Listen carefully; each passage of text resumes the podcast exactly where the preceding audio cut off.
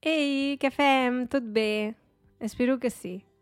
Avui en dia, moltes vegades, rebem missatges de veu. Um, també ens pot passar que si estem aprenent català, com és el vostre cas, rebem missatges de veu i no sapiguem entendre'ls, perquè si algú t'escriu una cosa és fàcil, pots buscar les paraules que no entens, però si t'envien un missatge de veu és més difícil. Llavors farem un simulacre perquè aprengueu a saber què volen dir els missatges de veu. Sempre depèn, evidentment, de la persona amb qui parleu, del context, etc. Però simplement farem alguns exemples que espero que siguin útils. Si us agrada aquest podcast, em podeu donar suport a Patreon o a Ko-Fi, Coffee. Com sempre, trobareu tots els enllaços a sota. Si ja estàs a punt, podem començar. Som-hi!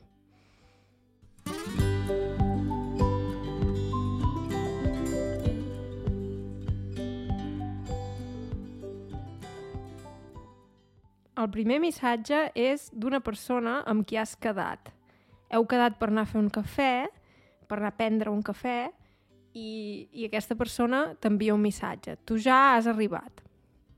Ei, Laura, com estàs?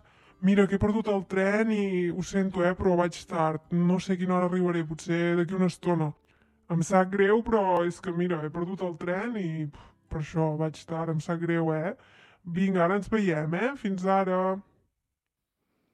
He intentat parlar una mica més de pressa perquè quan la gent parla amb vosaltres no parla a poc a poc, sinó que enganxa una paraula amb l'altra i de vegades sí, parla més de pressa. Llavors, una cosa que et pot ajudar si has rebut un missatge així és pensar en el context. Ah, d'acord, hem quedat i aquesta persona m'està escrivint, mm, per què serà? I, I en aquest cas també et diu això del tren, ha perdut el tren, vol dir que volia agafar un tren abans i no, ha, no hi ha sigut a temps, o sigui que l'ha perdut i ha d'agafar un tren més tard. I llavors el que t'està dient és que li sap greu, em sap greu vol dir ho sento, em sap greu, mm, em sento malament per aquesta situació, però mm, la situació és com és i arribaré tard. És el que està dient aquesta persona. D'acord? Uh, molt bé. Els altres àudios també intentaré parlar una mica més ràpid, perquè de normal, ja ho has notat, parlo una mica més a poc a poc, per ajudar-te. Però com que després comentarem l'àudio, penso que et pot anar bé si parlo una mica més ràpid. Ei, Laura, com estàs? Mira, he pensat en tu perquè ara hem anat a comprar i bé, ja ho saps, amb això del Nadal i tot, ara, clar, estem tots com bojos, comprant, comprant, comprant, i he vist una cosa perfecta, perfecta pel teu germà. Ara et volia trucar, però com que no me l'agafes, dic, mira, et faig un missatge de veu i així no me n'oblido, perquè ja saps com és, que ara ho he vist i dic, ah, és que és perfecte, perfecte.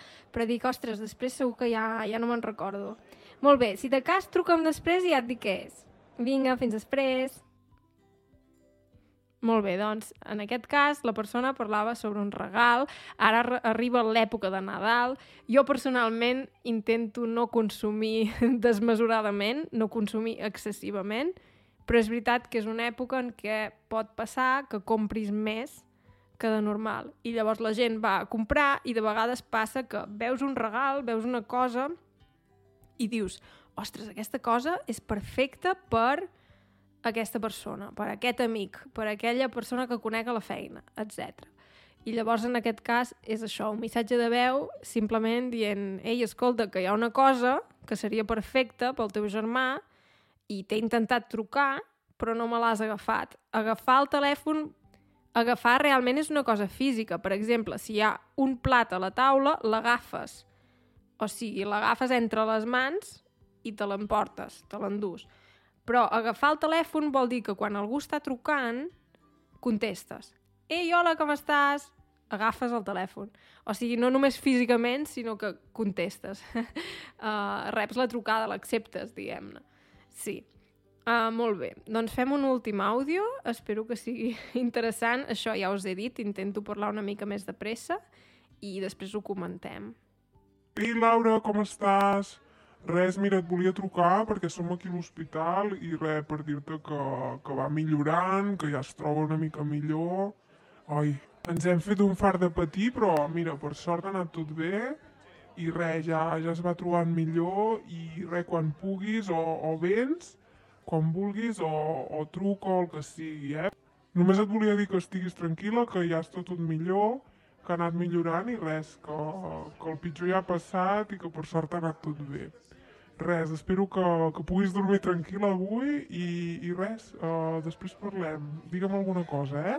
Vinga, fins després, adeu.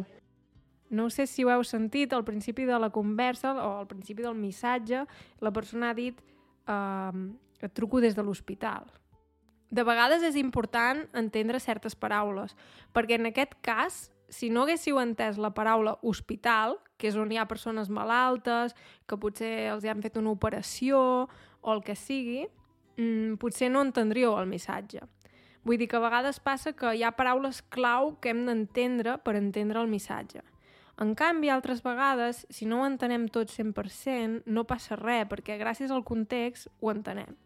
Evidentment, si a tu t'envien un missatge i tu saps que aquella persona és a l'hospital, fins i tot si no entens la paraula hospital, mmm, ja ho entendràs què et volen dir, perquè, evidentment, el context real sempre ajuda. Clar, un missatge així del no res, evidentment seria molt estrany, diries, a l'hospital? Qui és a l'hospital? sí. Espero que us hagi agradat. Si voleu, em podeu deixar un missatge o un vídeo que vaig fer demanant-vos idees. Um, I res, perquè de vegades, la veritat, ja no sé quins temes fer. I sempre em va molt bé si em deixeu algunes idees. I res, uh, espero veure-us o a Patreon, o a Ko-Fi, o a YouTube, als diferents, diguem-ne, canals de comunicació que hi ha. I res, uh, espero que us hagi agradat i que estigueu bé i fins ben aviat. Molt bé, adeu, que vagi bé.